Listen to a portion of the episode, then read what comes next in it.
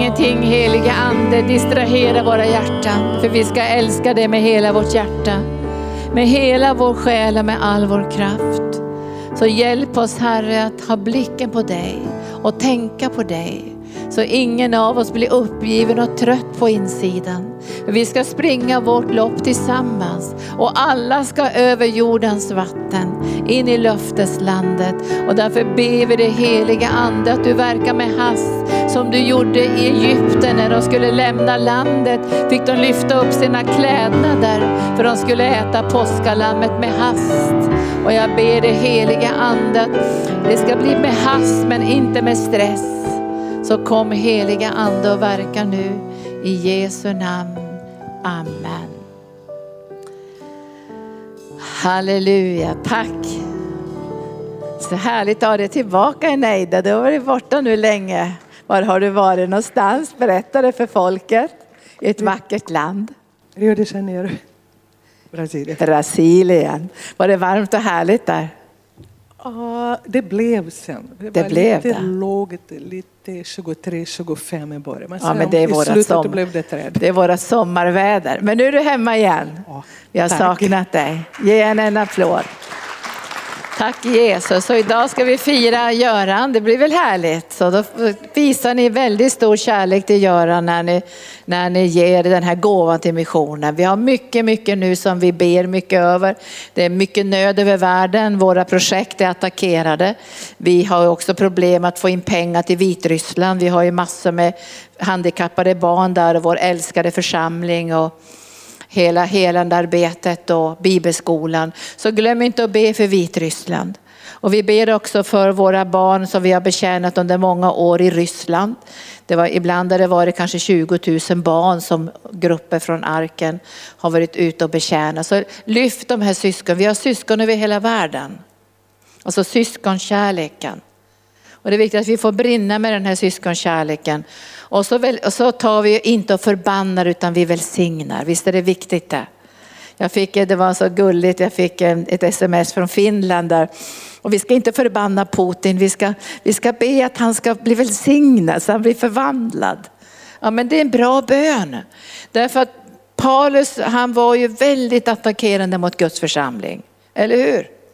Alltså han skulle ju döda Guds folk. Både sätta barn och kvinnor och män i fängelse. Hade rekommendationsbrev för att få göra det här. Och han hade till och med varit med och dödat den här vackra Stefanus som sken som en ängel. Men jag tror församlingen bad för honom. Inte att han skulle dö eller få cancer eller att han skulle hända något hemskt med honom. Utan jag tror de bara att han skulle bli förvandlad av Guds kärlek. Att han skulle bara falla från sin höga häst, bara rakt in i Guds kärlek och bli blind för ett tag. Man behöver bli blind för ett tag för att kunna få ögonen öppna för Jesus. Så det är inte farligt när Gud gör oss blinda för ett tag. Nu talar jag inte fysisk blindhet, men ibland behöver vi lämna saker för att kunna se på saker på ett rätt sätt. Visst är det så? Och han hade varit så begränsad i sin egen strävan efter egen rättfärdighet. När han ligger där under Guds kraft så måste han ju ställa frågan, vem är du Herre? För nu mötte han någon som var större. Och då svarar Jesus, men det är ju jag som du förföljer. Blev han blind?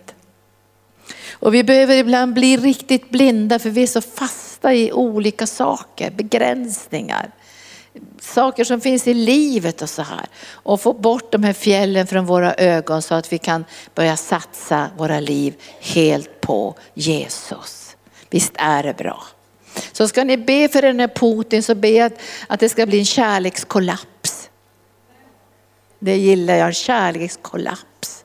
Så man ligger på sina knän och ber så det får komma en profet. Och vi får be också att det finns profeter som Gud reser upp. Att inte alla går in under de här krafterna som är verksamma nu av krig och våld, utan profeter som är ovanför, som är fredsstiftande, som är starka, som kan gå in i olika läger utan fruktan och ge profetiska hälsningar från Jesus. Och det behövs i Ryssland nu. Att profettjänsten reses upp utan fruktan och kan koppla ihop med Guds hjärta. För ett enda ord från Jesus kan förändra allt, eller hur? Så vi ska be på rätt sätt. Förbön betyder att vi ber för Guds vilja, för Guds tankar, för Guds planer. Så be inte förbannelseböner, be förböner. De är starka och bryter igenom. Tack Jesus. Vi ska också be och jag tänkte jag tar bara någon minut och ber. För jag har känt att det pågår en attack också mot ledare ute över världen. Du vet att det bästa som djävulen kan hitta på det är att få en ledare att falla. Alltså han längtar efter att få ledare att falla. För då kan han använda det för att förnedra Guds folk. Och vi strider inte mot kött och blod, vi strider mot förstar, väldigheter och herrar som är verksamma. Och det mest tragiska som jag tycker i alla fall, det är när ledare som precis är i sina sista år faller. Det är som att djävulen bara slår sönder också för den unga generationen. Att gå och lita på Gud. Och jag vill uppmana er, om ni skulle bli trötta, ta inte till alkohol eller någonting annat. Utan ta till den heliga ande och kom på retreat. Får jag en applåd nu? Därför är det bara i Guds närvaro som de här djupaste behoven kan fyllas. Och många ledare som har stora arbeten utöver världen har en otrolig press på sig. Jag tror inte man förstår alla gånger vilken press det är att vara på toppen. Det brukar blåsa där men det är också stor härlighet där. Men det är en väldig press och den pressen kanske kommer mycket från en själv också. Men jag tror det kommer också från andevärlden, demoner och krafter som är på en helt annan nivå. Så jag tycker vi lyfter upp ledare nu som har stora församlingar, ledare, olika, Gud vet ju vilka som är pressade just nu på olika sätt. Så vi tackar dig Herre för ledare över världen som just nu är pressade, blivit attackerade, kanske till och med fallit. Jag ber att det ska inte bli en läcker bit för Guds folk att höra att ledare har fallit. Det ska bli en sorgestund och en bönestund. Och därför ber vi det heliga ande att du ska lyfta upp ledare, stärka ledare, upprätthålla ledare så de kan göra sin kallelse och utkårelse fast så att de inte kommer på fall. Och jag ber Herre för ledarna i arken, hemgruppsledarna, de ledare som, som finns här, att de ska vara starka pelare och kunna bära också det som ska göras här i arken. Och inte falla offer för omständigheter och demoniska attacker och prövningar, utan kunna behålla sina hjärtan rena för den här världens skull och för visionens skull och för uppdragets skull. Och jag ber här att du ska fästa ännu mer dina ledares ögon på Jesus så, vi, så att inte ledare faller i sexuella synder eller ekonomisk brottslighet eller, eller i övermod eller högmod. Utan håll alla ledares hjärtan nära ditt hjärta så att fåren och lammen får den näring som de behöver. I Jesu Kristi namn. Amen. Tack Jesus. Då ska jag säga, predika lite om Guds kärlek faktiskt idag. För vi fick ju profetord för 2022. Vi hade ju tidigare ord som handlade om expansion och bryta ny mark och det har vi verkligen gjort. Alltså ni ska tacka Gud för våra fantastiska medarbetare. Vi kastade oss ut den här hösten att ha internationell bibelskola. Började vi med 25, vad säger du Jennifer? Ungefär 25 från olika delar i världen. Nepal och Israel och Filippinerna var det elever. Och vi hade ju inte prövat det här med simultantolkning varje dag. Ge våra tolkar en applåd nu. För bara att stå där uppe när både pastor Gunnar och jag och våra lärare helt glömmer bort att vi har simultantolkning och vi pratar i 110 kilometer i timmen. Och så är det simultantolkning. Alltså vi sträckte oss ut, vi tog steg.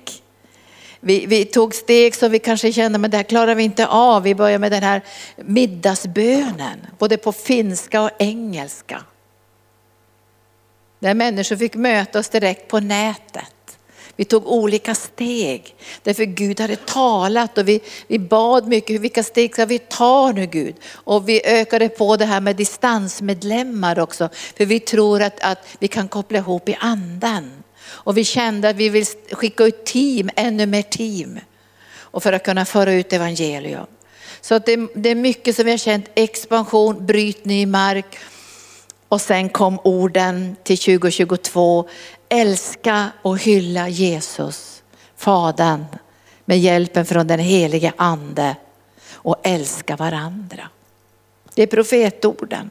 Och alla profeter måste bedjas ut av hela församlingen. Hur praktiserar vi det här? Hur lever vi det här? Hur kan vi uttrycka den här kärleken till varandra? För Bibeln säger först ska det vara broderskärlek, sen är det allmännelig kärlek. Visst är det så? Så står det i Petrus brev. Att först måste kärleken till varandra i Guds församling bli stark för att vi ska kunna vara en kanal för att kunna hjälpa andra. Vi kan inte hoppa över det här. Att nu ska vi välsigna människor för hela jorden och så är vi alldeles trasiga själva och vi kommer inte samman och det är bara konflikter. Men det har inte vi arken, tack Jesus. Nu är vi på väg att komma samman. Och att vi tror att hemgruppsledarna och alla ledare här kommer att inspirera för att hela församlingen ska kopplas samman som en kropp. Där alla vet sin uppgift, mer eller mindre och kroppen fogas samman med senor och leder. Tack Jesus. Kärleken. Jag ska ta två områden, kanske lite mer idag, men jag tar två områden. Det första området när det gäller Guds kärlek är att Gud ändrar vår natur. Alltså det är kärleken som ändrar vår natur. Det är inte lagiskhet, det är inte tvång. Det, det, är, inte, det är inte liksom att pastorn predikar jättebra emot moraliska saker. Det är inte det som förvandlar våra liv, det är kärleken. Och därför bad vi den här bönen tillsammans med pastor Gunnar. Vi ska lära känna Kristi kärlek. Djupen av den kärleken, höjden av den kärleken, bredden av den kärleken och längden av den kärleken. Den håller hela vägen hem. Och därför tror jag att du behöver inte falla. Du behöver inte falla, men om du skulle falla så kan du alltid resa dig upp med helige andes hjälp. Och Bibeln är så kärleksfull så den säger om du har fallit sju gånger så ska Gud resa dig upp. Men vi behöver lära känna denna djupa kärlek och komma till tro på den och bli grundade och rotade i den kärleken. Det gör att vår natur förändras. Det är kärleken som förändrar vår natur. Och därför måste vi ge utrymme för den kärleken i våra liv. Visst vill vi det? Vi vill förvandlas. Och vi vet ju att Bibeln säger att kärleken kommer att kalla oss de flesta. Men det är inte Guds kärlek som kommer att kallna, det är filios kärleken. Den mänskliga begränsade kärleken kommer att kallna. Och när den kallnar mer och mer, då kommer det bli en längtan efter att få möta verklig kärlek, levande kärlek, himmelens kärlek. Och det är den som Gud måste manifestera ibland oss. För den här världens skull så lägger jag ner mitt liv. För att, vi, för att världen ska kunna se vem Jesus är. Och utan att den heliga ande får verka i vår natur så blir inte Jesus synlig. Och det här gör han utan skuld. Det tar vi inte emot för Jesus har burit skulden. Det här gör vi utan skam för Jesus har burit skammen. Det här gör vi utan fördömelse. Det här gör vi utan anklagelse. För det finns ingen anklagelse och fördömelse i kärleken. Ta in det i ditt hjärta idag. För fort när den heliga ande börjar verka i vår natur så blir vi fördömda. Vi börjar känna vad dåliga vi är och hur misslyckade vi är. Men det är inte Gud som vill det. Det är djävulen som tränger sig in för att den här processen inte ska verka som Gud vill genom sin ande. Så det här måste du avvisa. Och när, när Guds natur börjar upprättas i oss så behöver vi känna igen hur är agape, kärlekens väsen. Agapekärleken är ju Guds kärlek och den måste uppenbaras för den förstår vi inte med vårt förstånd. Alltså den måste uppenbaras och den uppenbaras ju i Jesus Kristus. Och då, då ska jag läsa ifrån, börja med första punkten då, första Korintierbrevet kapitel 13. Där det står om kärlekens väg. Går vi inte på kärlekens väg förändras inte vi för att få kärlekens natur. Och Jesus är ju vägen. Därför annars blir begreppet kärlek väldigt flummigt. Alltså det blir flummigt, allt möjligt är kärlek. Och man kan säga men Guds kärlek är allting. Och man vet inte riktigt vad kärlek är för någonting. För att verkligen förstå vad kärlek är så må, behöver man gå på vägen. Och vem är vägen? Det är Jesus. Och i den andliga kärleksrelationen med Jesus börjar du och jag förstå mer och mer vad verklig kärlek är. För Jesus drog sig ju inte undan döden. Han gick ju in i döden för din och min skull. Och, och det står i Uppenbarelseboken kapitel 12 att de övervann, alltså vi övervann, övervinner Satan i kraft av Lammets blod och i kraft av vårt vittnesbörds ord. Och vi drar oss inte undan döden står det. Vi drar oss inte undan döden. Och jag tror inte att det alltid betyder fysiskt död, utan det betyder att dra sig undan från allt det som måste ske i våra liv för att Guds kärlek ska få utrymme. Och därför ber vi ju när vi gör inre bönen som ber vi så här ifrån Filipperbrevet. Jag vill förhärliga dig Gud i min kropp vare sig jag lever eller dör. Det betyder jag tänker älska dig Jesus i livets alla omständigheter. Om jag är frisk, om jag är sjuk, om det är jobbigt, om, om, om det skakar i mitt liv så tänker jag älska dig hela vägen hem. Och jag kommer inte att ge, sätta några sådana villkor för den kärleken. För den kärleken är av ett annat slag. Vi har ju väldigt mycket villkor i vår kärlek i världen idag. Man villkorar kärleken. Men den här kärleken är av en annan sort. Och därför så väljer vi att gå på vägen. Vägen, Jesus är vägen. Och då säger Jesus till oss så här, om jag talar både människors och änglars språk men inte hade kärlek, då är jag bara en ekande brons eller en skrällande symbol. Om jag hade profetisk gåva och vet alla hemligheter, om jag har all kunskap, om jag har all tro så jag kan flytta berg men inte har kärlek så är jag ingenting. Vad säger egentligen Gud här? Han säger, jag vill ha en drivkraft ifrån era hjärtan som är agape, kärleken. Det är det som Paulus säger när han säger i Korinthierbrevet, Kristi kärlek driver mig. Det är hans kärlek som driver mig framåt i det som är min kallelse. Och när, när lärjungarna försökte få dem att inte åka till Jerusalem, för anden hade ju sagt i stad efter stad, lidande väntar dig hela tiden. Och Petrus hade, eller Paulus hade ju bett tre gånger att slippa denna vidriga förföljelse. Och då svarade Gud honom, min nåd är dig nog. Alltså gapekärleken kommer att hålla dig levande i livets alla omständigheter. För det är den som är drivkraften. Och det här fick vi se i hans liv på ett väldigt påtagligt sätt med en väldig uppmuntran till oss, eller hur? Agapekärleken håller. Och det kan du ju läsa i Romarbrevet 8, hur den här agapekärleken håller. Det står ju där att ingenting kan skilja oss från Guds kärlek och då står det svärd. Nu är människor ute i svärd, vet ni det, i Ukraina, det är svärd. Men Guds kärlek kan inte, den tas inte ifrån dem, alltså kriget skiljer inte de här människorna ifrån Guds kärlek. Inte ångesten heller. Inte faran, inte demoner, inte ens döden kan skilja oss från Guds kärlek. Men här, det, det finns ett allvar ändå i det här att vi kan faktiskt göra stenar till bröd. Men jag tror inte jag vill ha stenar. Alltså man känner ändå stensmaken.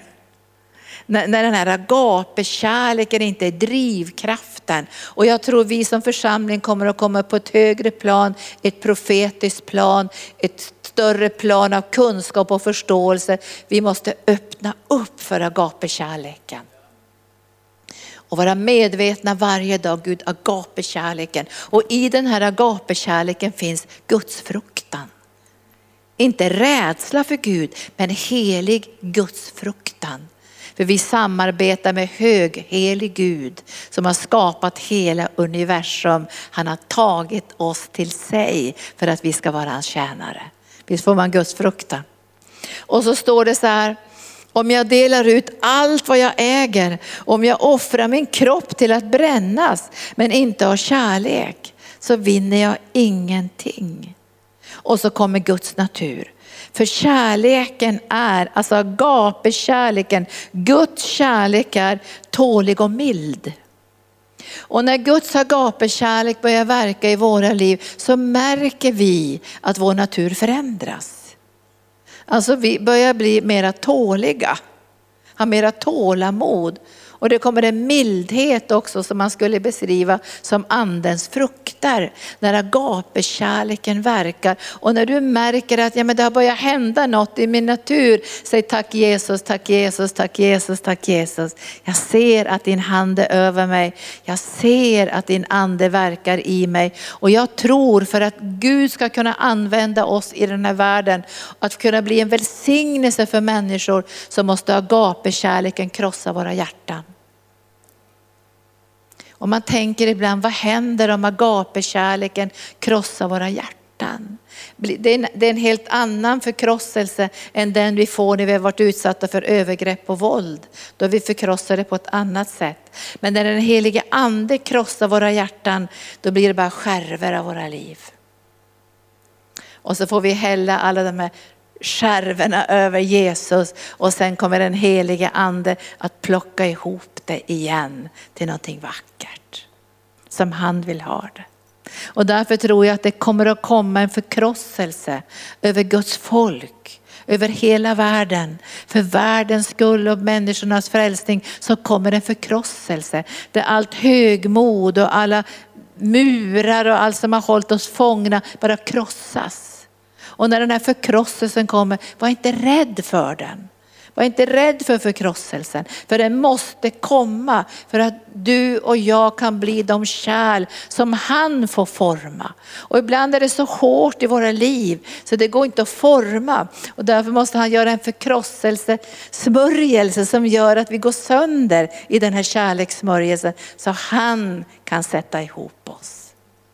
Därför har vi mycket lovsång nu, så idag blir det ju lovsång i två timmar. Han säger vidare här att kärleken skryter inte, den avundas inte, den är inte uppblåst, den beter sig inte illa, den söker inte sitt och den brusar inte upp och den tänker inte på det onda. Men den glädjer sig, eh, den glädjer sig inte över orätten, men den gläds med sanningen. Det här är agapekärleken. Allt bär den, allt tror den, allt hoppas den, allt uthärdar den. Gud kommer aldrig någonsin att ge upp om människors frälsning. Det är han som klarar det här. Men när du märker mer och mer att du klarar av påfrestningar och prövningar och attacker av olika slag, då är det Guds smörjelse som har börjat verka i ditt liv med agapekärleken. Jag pratade med en pastor på nätet igår tror jag det var. Vi pratar om när ledare faller så kan det bli en gottebit för andra. Visst är det fruktansvärt om, om ledare faller och så tycker man, så nästan njuter man av att se det. Det är väldigt otäckt när man möter på sådana så säga, strömningar. Men det ska vi aldrig gå in i. Vi ska aldrig någonsin låta någons nöd eller skam eller vanära bli en läckerbit som tränger ner i våra hjärtan. Vad säger Herren mer? Kärleken upphör aldrig, men profetiorna ska försvinna. Stryk gärna under det där, för allt det här profetiska är ett styckeverk, det är bara en liten bit. Och ibland tror man att den här lilla biten är det enda som finns. Eller att man själv kanske har den yttersta biten. Men det tror jag inte någon av er tror här. Men det står att profetiorna ska försvinna och tungomålen ska tystna. Vi kommer inte behöva något tungomål när vi kommer in i himlen. Det står att kunskapen ska försvinna, för vi förstår bara till en liten del och profetera till en del. Men när det fullkomliga kommer ska det som är till en liten del eller en del försvinna. När jag var ett barn talade jag som ett barn och jag tänkte som ett barn och jag förstod som ett barn. Men sen jag blivit vuxen har jag lagt bort det barnsliga. Nu ser vi en gåtfylld spegelbild, men då ska vi se ansikte mot ansikte. Nu förstår jag bara till en del, men då ska jag känna fullkomligt som jag själv har blivit fullkomligt känd. Nu består tron och hoppet och kärleken, dessa tre. Men störst av allt är kärleken. Alltså gapekärleken ska få mer och mer plats i våra liv. Så det inte blir så jättemånga tårar på andra sidan. Du vet att när vi kommer in mot evigheten eller in i evigheten så kommer vi in i Guds glädje, visste ni det? Det så, gå in i min glädje. Men vi kommer också gå in i Herrens skratt. Vi kommer att gå in i Herrens skratt. Och vi kommer att skratta tillsammans med Jesus och se hur barnsliga vi har varit, hur begränsade vi har varit, hur tjorviga vi har varit, och vilken stor plats vi har gett åt djävulen. Så vi kommer att skratta med Jesus. Men sen när vi har skrattat med Jesus så kommer vi kanske gråta en liten stund, eller hur? Vi kommer att säga, vi hade kunnat gjort det här annorlunda. Vi hade kunnat gjort på ett annat sätt, men vi var för barnsliga. Vi var för barnsliga, vi såg, vi såg allt på ett barnsligt sätt och på ett begränsat sätt. Men i agapekärleken, om vi låter den kärleken fylla våra hjärtan och vi säger varje dag kom helige ande med agapekärleken, då kommer det här barnsliga att läggas undan ifrån våra liv. Och vi kommer att växa och mogna i den heliga ande. Så det blir inte så många tårar i evigheten och jag önskar att det ska bli mest skratt. Så vi börjar se liksom Va, var det så här? Tänk om vi hade förstått det här lite bättre när vi gick på jorden. Vilka prioriteringar vi skulle ha gjort, vilka steg vi skulle ha kunnat ta. Alltså agapekärleken som Gud har kallat oss att leva i 2022 kommer att förvandla våra liv. Nu tar jag andra punkten och det är från första Korinthierbrevet kapitel 9. Där talar Paulus om sitt liv. Och du kan läsa hela brevet om du vill, eller kapitlet och det är kapitel 9. När Paulus talar om sin frihet. Och så säger han så här i 14 versen.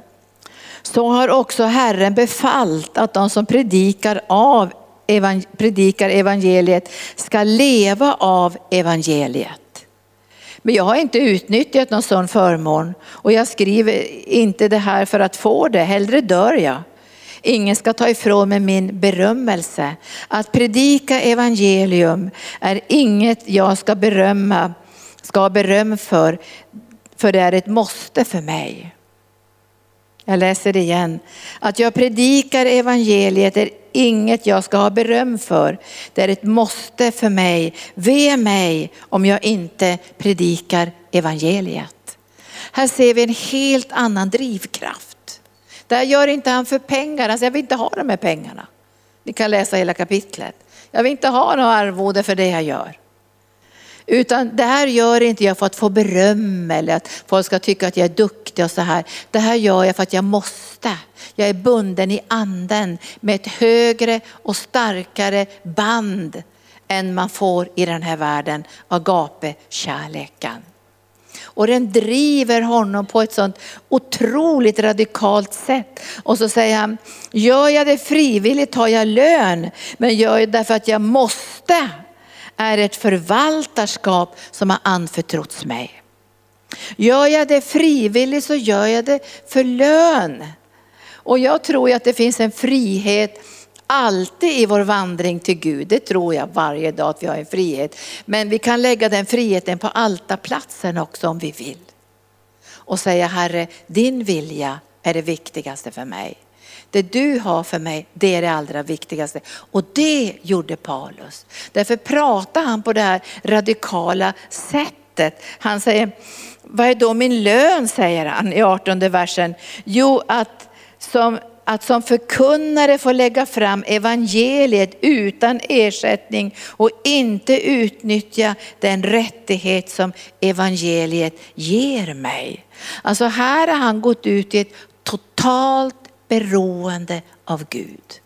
Vi är inte där än såklart. Vi är på väg in i den, ska jag säga, jag är en fånge för Jesus. Jag gör det här det jag gör av en helt annan drivkraft än den drivkraft som finns i världen. Visst vill vi det? Agapekärleken. Och det förstår kanske inte människor.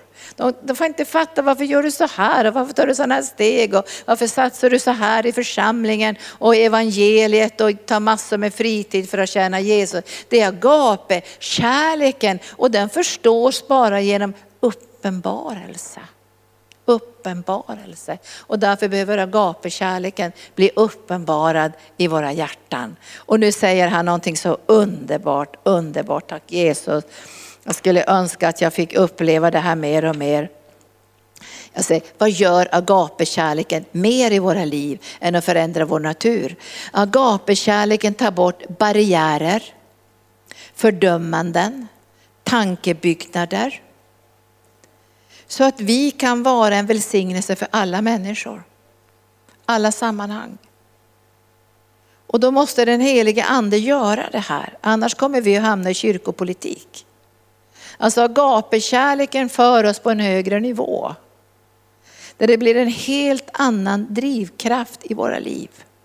Och jag tror att den här agapekärleken verkar så i våra hjärtan att barriärer som vi bygger upp med, med, med åren, eller kanske till och med att vi har ärvt barriärer. Barriärer, tankebyggnader, fördömanden som hindrar oss att välsigna. Nu ska jag säga det, det här är så gripande, vilken frihet Paulus har. Han kan gå in i vilken situation som helst, i vilken, vilket område som helst utan att bli förorenad. Utan att fastna där de människorna är och utan att förlora uppdraget. Han förlorade aldrig uppdraget. Han visste vilket uppdrag han hade. Och nu ska jag läsa det, här, det är så vackert det här. Han säger,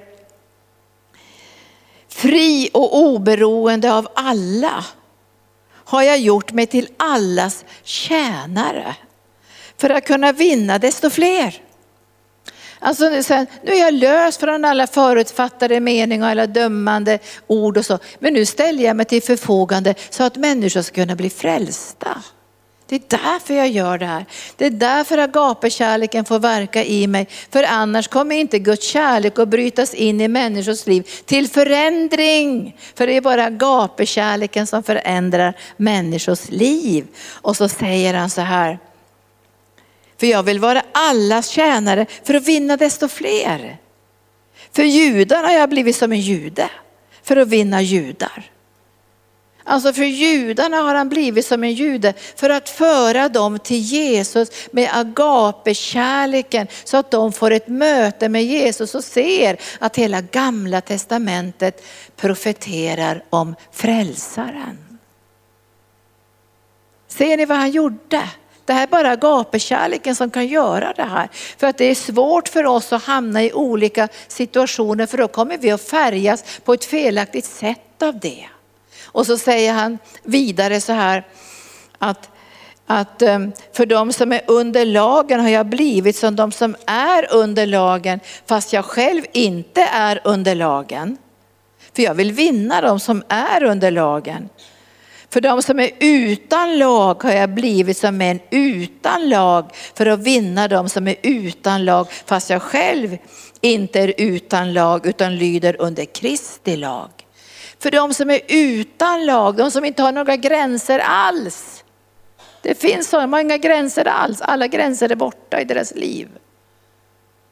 För dem har han gått in i deras liv och han blir inte gränslös. Han blir inte påverkad, han blir inte smutsig för att han är bland människor som är totalt gränslösa. När det gäller kanske genus eller sexualitet eller sätt att leva. Ni vet allt det, människor är gränslösa. Och jag läste en sån väldigt bra artikel häromdagen där någon skrev så här, när Bibeln togs ut i skolorna om man inte längre fick ha, ha, veta något om Gud så har vi fått en generation, nu ska jag inte säga att generation, men vi har fått ett problem med sam, att människor inte längre har ett samvete.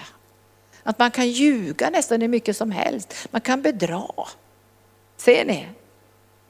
Alltså det gränslösa. Och här gick Paulus in med agapekärleken och de här människorna kände sig inte ens dömda. Det här är ju typiskt Jesus. Han var syndares vän. Han blev ingen syndare för att han var syndarnas vän. Men han kom in bland syndarna med agape-kärleken och den kärleken förvandlade syndarnas liv.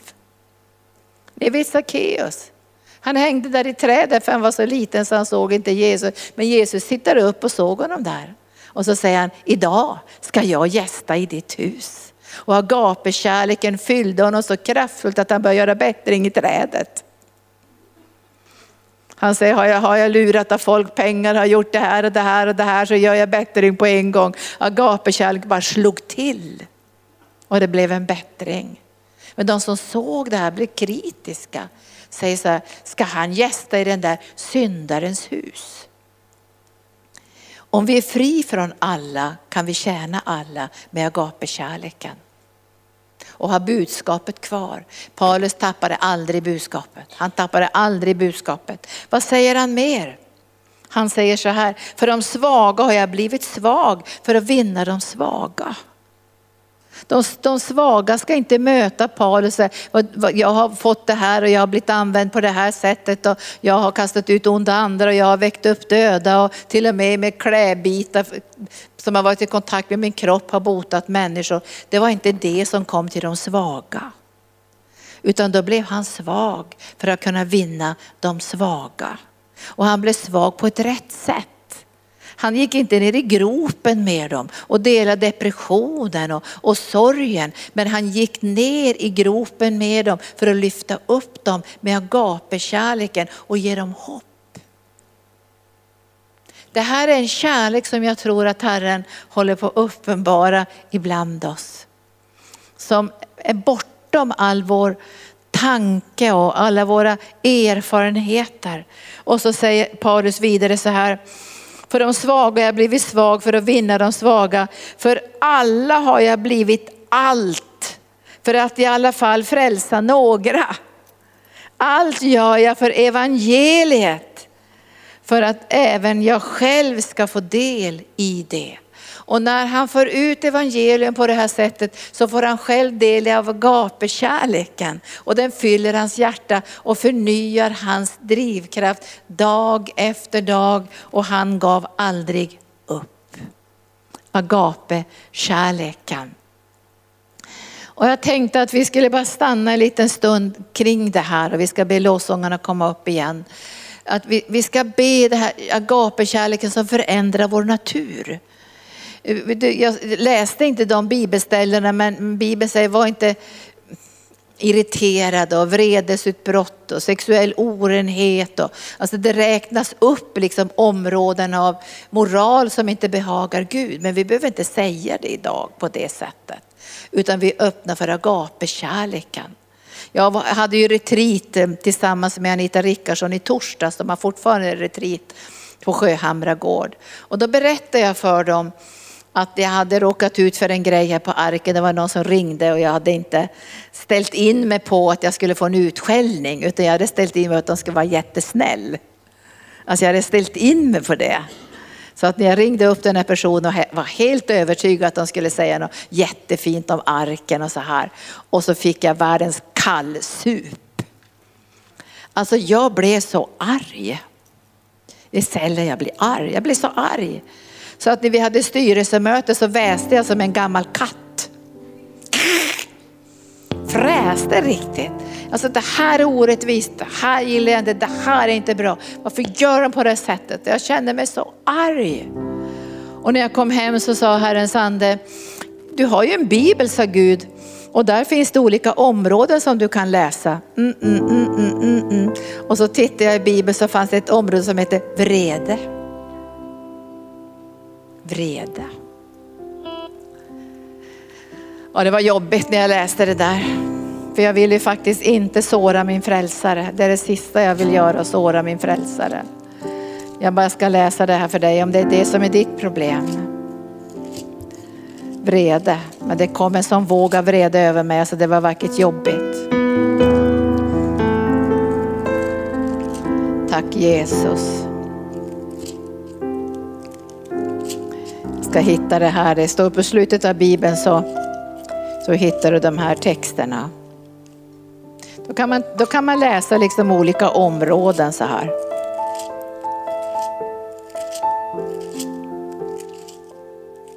Tack Jesus. Det var så jobbigt så jag, jag, nu ska jag läsa det för dig. Du har alla möjliga områden, det är bara några bibelställen på varje. Men så står det om vreden. Vreden för bara ont med sig. Dåren släpper lös all vrede. Jobbigt va? Den som är vred är skyldig. Grips ni av vrede så synda inte. Lägg bort all häftighet och vrede. Vrede främjar inte det rätta. Och när jag läste de här texterna så kände jag att jag behövde göra inre bönen med de texterna. Så att den helige ande skulle kunna få verka på det område i mitt liv där jag kände att jag blev så fruktansvärt arg. Det kanske är något annat i ditt liv. Avundsjuka, missunnsamhet, depression, tungsinne. Det kan vara allt möjligt. Men, men när, vi, när vi låser heligande, är det något som du vill att agape-kärleken ska få beröra just nu så är det den vi fokuserar på. Agape-kärleken som förändrar min natur så, så att jag blir tålig och mild. Jag avundas inte, jag vredgas inte. Därför Guds agape-kärlek får mer och mer utrymme i mitt liv. Så kom nu helige ande. Vi är så tacksamma att du har talat till oss i arken om kärleken. Och du har sagt att det är bara kärleken som kan förvandla vår natur. Och därför ber vi dig heliga ande, finns det något i, vårt, i vår natur nu som du inte behagar? Något som kanske är lite smutsigt eller där det inte finns lydnad eller ja men du vet Herre, men när du uppenbarar det nu så, så vet vi att du bara älskar oss. Mitt i allt så får vi himmelens kyss och himmelens omsorg. Så kom nu helige ande. Jag bara sträcker ut min hand och jag bara löser Guds kärlek in i all otillräcklighet, all begränsning. Allt som rör den, den, den själiska delen i oss. Som så lätt reagerar på ett felaktigt sätt. Men nu ska min själ avvänjas. Och den ska avvänjas på ett sådant sätt att den ska vara öppen för agape-kärleken. Så kom helige Ande. Kom helige Ande. Och bara öppna ditt innersta nu, vad det än kan vara. Låt den helige Ande. Åh, låt den helige Ande bara verka. Kom helige Ande. Och du har så mycket kärlek till oss. Finns det utbrändhet, finns det besvikelse, finns det sorg. Finns det sår på insidan som är åsamkat av människor. Så kom med agape-kärleken. För du har sagt här att kärleken överskyler en myckenhet av synd och en myckenhet av svaghet och begränsning. Så kom heliga Ande. Låt bara agape-kärleken få verka nu. Och jag bara känner hur Guds kärlek förvandlar vår natur. Så världen ska kunna se Jesus igenom oss. Det ska bli en uppenbarelseplats för honom själv genom våra liv. Så kom helige Ande och fyll varje plats i våra själar med agape-kärleken. Så vi kan be på rätt sätt, prata på rätt sätt, leva på rätt sätt i din kärlek. Så kom helige Ande. Kom underbara, vackra helige Ande och gör ditt verk. Gör ditt verk. gör ditt verk. Vi sjunger den här sången och sen ska vi gå in i den andra delen. Så låter du bara Herren få älska dig, för det här är ingen någon stund liksom av syndabekännelse i första hand. Utan det är liksom en kärleksförklaring till Jesus. Att du längtar efter att bli förvandlad till din natur så att han kan uppenbara sig genom ditt liv. Det är en kärleksförklaring. För om världen inte ser Jesus genom oss, var ska de se Jesus någonstans? Och det här är vår längtan för den här världens skull. För den här världens skull. Så låter vi den här elden brinna. Och Herren han önskar att vi ska gå in i alla sammanhang, i alla grupper av människor. Också där det är smuts och orenhet och laglöshet. Där det finns, där det finns Åh Jesus. Där det finns lagiskhet också. I alla miljöer ska vi gå in utan att förändras. Vi har ett budskap från himlen som heter evangelium om Jesus. Och därför kommer vi inte att förändras eller påverkas eller smutsas ner eller brytas ner i mötet med andra människor. Vi ber dig heliga ande att vi ska kunna få gå in med agape-kärleken. Tack Herre för att vi får nå det judiska folket med agape-kärleken så de får se Jesus. Tack att vi får nå de laglösa, de som inte har några gränser i sitt liv med din agape-kärlek. Låt oss få nå de svaga, bräckliga, självmordsbenägna med din kärlek. Och vi ber att den kärleken ska finnas som drivkraft. Där vi kan ta bort bjälken i vårt eget öga. Och se med din kärlek in i människors liv. Så vi kan betjäna dem genom den heliga ande och andens nådegåvor. Så vi kan sammanföra dem med dig Jesus. För vi är en sån församling som ska sammanföra människor med dig Jesus. Och därför ber jag dig Herre att finns det något i våra liv eller i församlingen som inte behagar dig.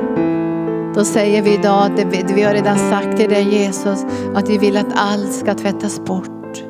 Så vi ska kunna betjäna med det som du har lagt i arkens hjärta. Den här visionen, den ska ut bland människor.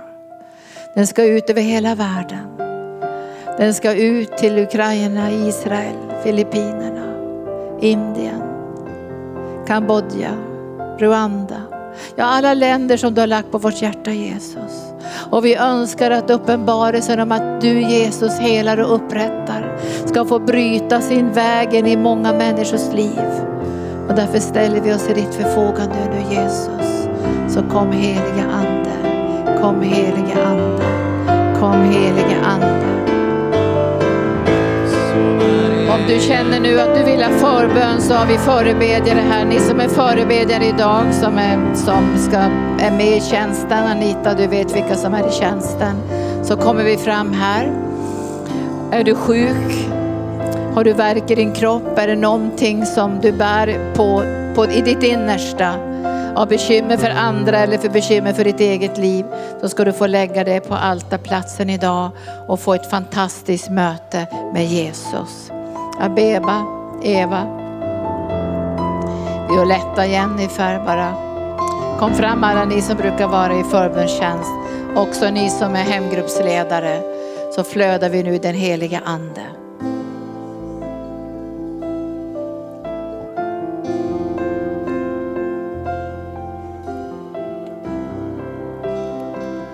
Och du som ser mig nu via kanal 10 så kommer vi alldeles snart att avsluta det här mötet. Men det är en stund kvar så du kan också ta emot ifrån Jesus nu och känna hans agape-kärlek som strömmar igenom dig. För Herren säger kasta dina bekymmer på mig för jag har omsorg om dig. Och när agape-kärleken får flöda i ditt liv, då är det som allt som har varit stort och farligt och fyllt dig med rädsla, det bara böjer sig i hans kärlekssmörjelse. Och den kärlekssmörjelsen ska få beröra dig nu den här förmiddagen. Kom helige Ande.